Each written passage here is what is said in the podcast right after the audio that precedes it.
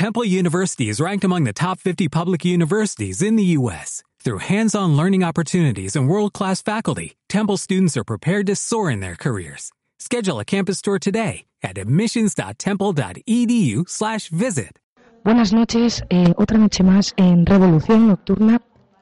Como cada noche traemos un, un revolucionario revolucionaria y en este caso esta noche traemos a Greta Thunberg, perdón por el, por el inglés, que es una joven activista eh, que lucha contra, bueno, en torno al cambio climático.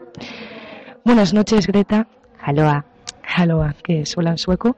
Pues bueno, mm, ¿de dónde sale, desde qué edad eh, tienes esta, este comportamiento, esta actitud ante, ante el cambio climático?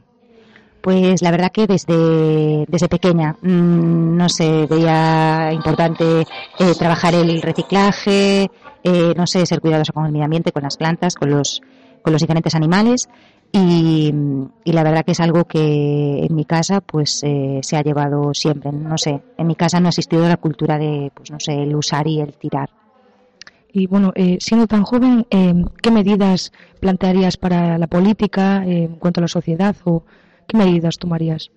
Pues no sé, eh, una de las que me parece más importante, sobre todo llevar eh, a rajatabla un control con el, con el plástico, intentar que haya residuos de plástico cero y no sé, pues abogar porque se compre pues eh, fruta a granel, eh, que desde el parque automovilístico se, se lleva a cabo pues la comercialización de vehículos electrónicos y eléctricos y, y no sé, pues que se apueste por un sistema de de, de dejar a un lado esa, la, la motorización y, y recorrer eh, las, sobre todo las medias distancias pues en bicicleta, es decir, copiar un poco el modelo pues de los países nórdicos.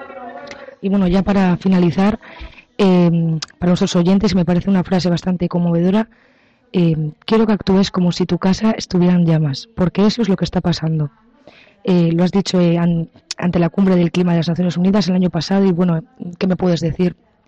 Bueno, pues realmente cuando, cuando me plantearon eh, que acudiese a la cumbre del clima de las Naciones Unidas, eh, no sé, eh, creí que era necesario tener un discurso realmente pues eh, rompedor y que llegase, que llegase a la gente, ¿no? Pues que calase. Y sobre todo porque me gustaría apostar eh, por nuestro planeta, porque planeta eh, solo hay, solo hay uno.